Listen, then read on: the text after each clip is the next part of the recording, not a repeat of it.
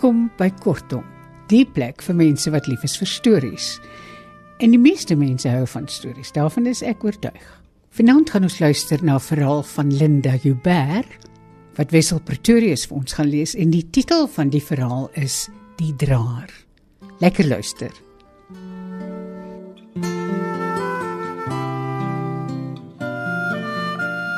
Dit was die siekte van die skoenmaker wat opnuut al oom Dirk se wrevel wakker gemaak het.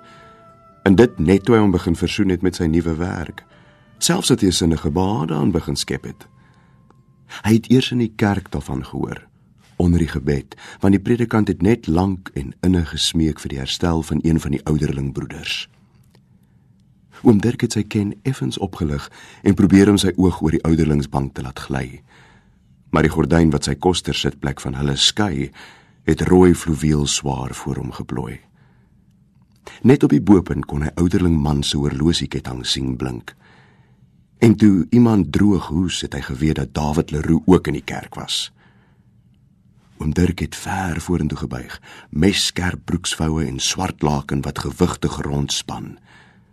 Verder kon hy niks wys word nie soos 'n Stefanus van ouds die dominee se stem dreun klaand in die dakgewelf op oom Dirk Frans tog nie daai lou nie hy was dan skaars 3 maande in die raad so jonk nog maar die mense het darm gesê die gemeente sal nou sing van gesang 7 en wel die koster ruk sy kop op En as hy besef dat die ander broeders al sit en die juffrou hom bestraffend aanfrons, sak hy neer en maak met lomp vingers die boekie oop. Die orgel stoot al die eerste frase uit. Oom Dirk bly al driftiger, maar die dun velletjies klou koppig aan mekaar. Werktuiglik vorm sy lippe die woorde, maar die plek kan hy nie kry nie. Al haastiger werskaf hy met die dik vingers. Dan kletter sy brilhuis op die vloer neer en seil onder die bank in. Ongemerk probeer hy dit met die skoen nader skuif, maar die vloer is glad en dit gly al dieper onder die bank in. Nog een vinnige hak en die huisie skiet skielik weg tot in die paadjie. 'n Seun op die galery begin guggel en die koster voel hy onder sy baard warm word. En eens was hy weer verskriklik kwaad vir sy vrou. Sy het aangehou dat hy koster moes word en dit teen sy sin en wil. Dit was sy wat die dominee gaan spreek het. Al betaal hulle ook die huis hier met sy besoldiging, hulle het vroeër tog ook deurgekom. Geïrriteerd lek hy sy boelop. Hoeveel jaar was hy nie in die kerkraad nie? Na Jan de Pre die langste, amper 30 jaar. En dit sonder om een keer afwesig te wees. Hy wat drie predikante ingestem het. Maar toe moes hy mos bedank omdat Sari wou hy moes koster word en nou Hy moet die klok lê as die raad saamkom in die konsistorie voor die diens. Op en af, op en af. En as daar kerkraadsvergadering is met groot kerk, maak hulle die rooi deur met sy koperknop pot toe, net asof hy nie vir soveel jare aan die bo-end van die tafel net langs die predikant gesit het nie. Sondaars kom, sondaars kom en dit vir 6 pond per maand. Dit was sy groot plesier al die jare die kerkwerk. Een keer in 'n jaar saam met Dominee op huisbesoek en dan gereeld elke maand deur sy wijk. En die mense het vir hom agting gehad. Ouderling Foster. Oom Dirk sluk sy hande bewe. Dan het hy ook nou geweet vir wie die Dominee gebid het. Miskien kon hy self saam met hom die sieke gaan besoek het. Ja, oweral is God. 'n Man stem in die voorste ry styg hard bo die ander uit. Die klanke smelt saam, al stadiger. Die res van die gemeente volg nou swaarder en as die orgelis die basstoppe uittrek sodat die lig deur die pype vlieg, vul die musiek die ruimte. Almal sing. Almal loof die Here. Net hy sit met sy boekie klein in die hand alleen agter die rooi banksel. Dit is eers wanneer dit weer stil word en die leraar sy preekboek oopmaak dat oom Dirk koppig selfbewus na die westervenster loop en die bolig oop katrol. Dit kon hy darm doen. Wanneer hy omdraai, kyk hy vol na die ouderlingsbank. Toe het hy geweet dat dit Hermanus was wat siek was. So siek dat die dominee vir hom gebid het. So siek dat die ouderlinge na die diens nog in klompies daarvan gepraat het. Longontsteking en nou die hart. Oom Dirk het bewoog gevoel. Vir so lank was hy en Hermanus saam in die raad. Met 'n stapel gesangboekies het hy doelloos deur die leë kerk gedrentel. Daar was die tyd toe daar moeilikheid was tussen die kerkraad en die predikant. Net hy en Hermanus het vasgestaan. En toe so baie lidmate weer agter die opwekkingsprediker aangedraf het, weet 'n stokkie daarvoor gesteek. Dit was hulle twee, die oudstes van die volk. Hy katrol die bolig van die westervenster in. Een oomblik is die herfslig geelbleek in die boog. Stof seid gij en tot stof zult gij wederkeren. Oom Dirk kug ongemaklik. Ineens het hy regtig aardig gevoel daar so in die leë kerk. Alles was so stil en dit is asof daar niemand meer lewe nie. Maar dan tel hy verlig sy linkervoet op en voel voel aan die effense los sool. Arme Hermans, sê hy spytig. Wie sal dit nou vaswerk? Hy het tog altyd so moeite gedoen. Dan trek hy beslis die swaar paneel deur agter hom toe en sluit die ongemaklike stilte in die leë kerk in. Die meeste kerkgangers was al weg, maar by die hekkie het nog 'n laaste groepie gedraal. Hulle stemme was helder oor die plein, oor die geplaveide paadjie wat in twee suurlike boë om die vywertjie buig. Arme Hermans, dink hy weer en stryk aan pastorie toe om die sleutels te gaan afgee. Met 'n onnodig harde stem vra hy: "Wanneer meen hulle? Uh, ek bedoel met Hermans, Dominee." Dis moeilik, oom, die predikant aarsel. 'n Mens se hart, ons kan maar net bid. Die koster buig sy kop deemoedig. En buitendien is hy al 70 jaar, klink 'n ander stem vol gesag agter die dominee wat nog altyd in die deur staan. Oom Dirk kyk vererg op na waar ouderling mans reisig bo die predikanttoring. Sy skouers vierkantig in sy swart manel en om sy middel die goue boog van die horlosieketting. Die ouer man stoot sy skouers selfbewus na agter. Hy is nog baie sterk, ba baie sterk herhaal hy koppig. 70 jaar en as jy baie sterk is, 80, sê die ouderling en maak keel skoon asof daar niks meer verder te sê val nie.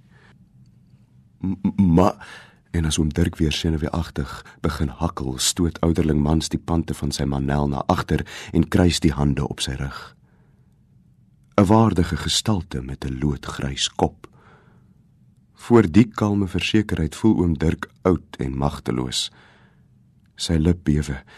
En die mans was maar 2 jaar in die raad, 'n bogsnyter wat voor hom groot geword het. As jy hom nou sien, sou jy sweer hy is voorsitter van die ring of van die sinode of of 'n puntjie skiet deur sy blaaie. Sink. Dis die kosterbank net voor die oop konsistorie deur. Dit het die vrou nou daarvan. Hy voel dadelik weer ergerlik en die gedagtes wil net 'n ander koers indwing toe hy die rustige stem van ouderling mans verneem. Hy het mos sy seuns nie dominee. Is dan nie 'n mooi gedagte as ses van sy mede-ouderlinge hom na sy laaste rusplek dra nie. Die koster voel ineens verslag. Dan was dit wat in Douman se kop gespook het, ses ouderlinge. Sal die volgende broeders asseblief vorentoe kom? Swart laken en styselstyf strikkies langs die lykswaar stadig in die smal se preslaan af, gelyk optel, versigtig en deftig, 'n eikehoutkus met silwer beslag. Als wye die doodsvallei betrein. Hy bal sy vuis in magtelose woede. Dit was hulle skuld. Sari en die predikant se. Hulle het aan hom gesit, getorring. Ek dink die familie sal dit waardeer kontrakteer man se linkerhand liefkoes die blink skakeltjies oor sy maag. So 'n laaste eerbetoon. Hy het so lank in die raad gedien. V 25 jaar. Oom Dirk bring die woorde sinigtig uit. 'n Jaar na my. Die bouer se oë vernou tot skreefies. Dan kyk hy die koster 'n oomblik vyandig aan en sê kalm: "Ja, oom, dis jammer jy's nie meer in die raad nie." Maar een uitsondering lyk nie goed nie. En buitendien jou plig is as koster. Oom Dirk sluk. Sonder meer hang hy die sleutels aan die hak langs die deur en met 'n jeuse dag dominee draai om. Sy plig as koster. Jammer hy is nie meer in die raad nie. Hy het altyd geweet Doumans is gefeins. Jammer. 'n Vent wat skaars 2 jaar in die raad is en nou 'n draer voor hom. Die familie sal dit waardeer. Hy skop 'n los klip ver voor hom uit in die straat. Wit gepleisterde graf. Wat maak dit saak as hy nie meer in die raad is nie? Hy was tog 27 jaar daar en vir die een middag kon hy dan maar iemand anders gekry het as koster. Ek sweer, Herman sal omdraai en sy kus as hy weet dat Tou omdra, sê hy kliphard.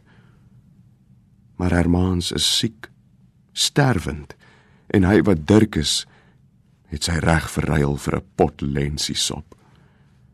6 pond per maand en nou kan elke snotkop oor hom koning kraai. Wie is Dou mans met sy stywe nek, asof botter nie in sy mond kan smelt nie.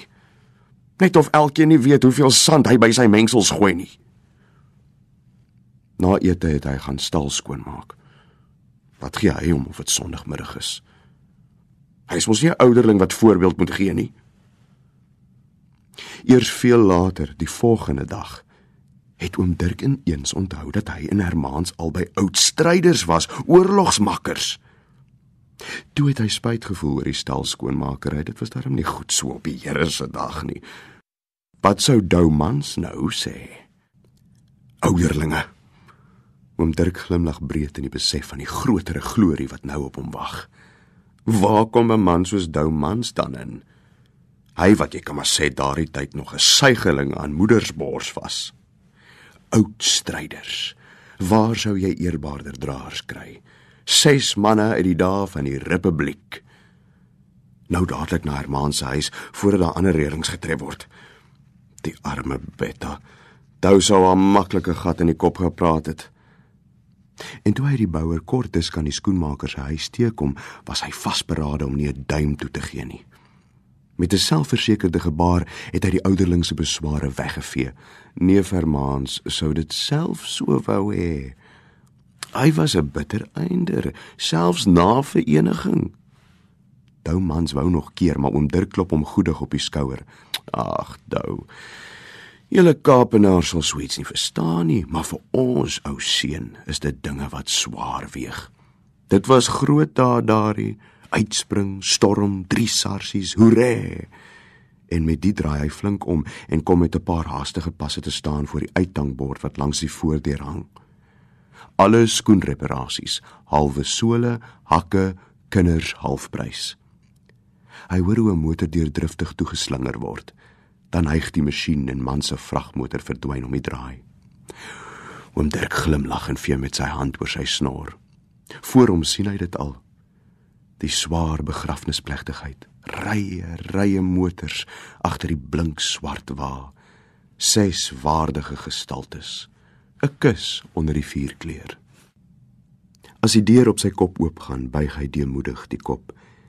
En hoe gaan dit nou suster nee neef oom Dirk kyk vinnig op.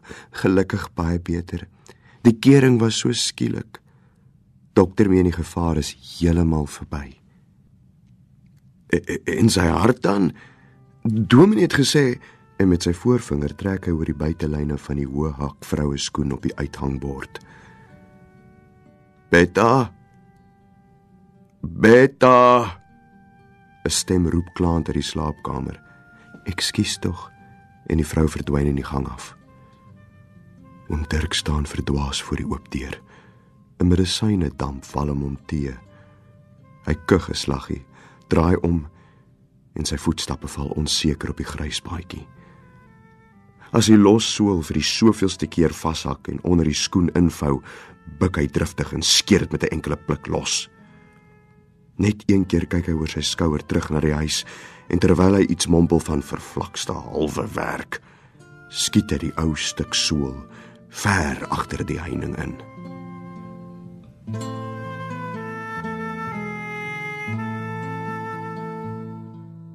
Wissel Pretorius het vir ons die draer van Linda Huber gelees. Van my Margolite alles van die aller aller allerbeste tot volgende keer. Mag dit met ons almal goed gaan. Totsiens.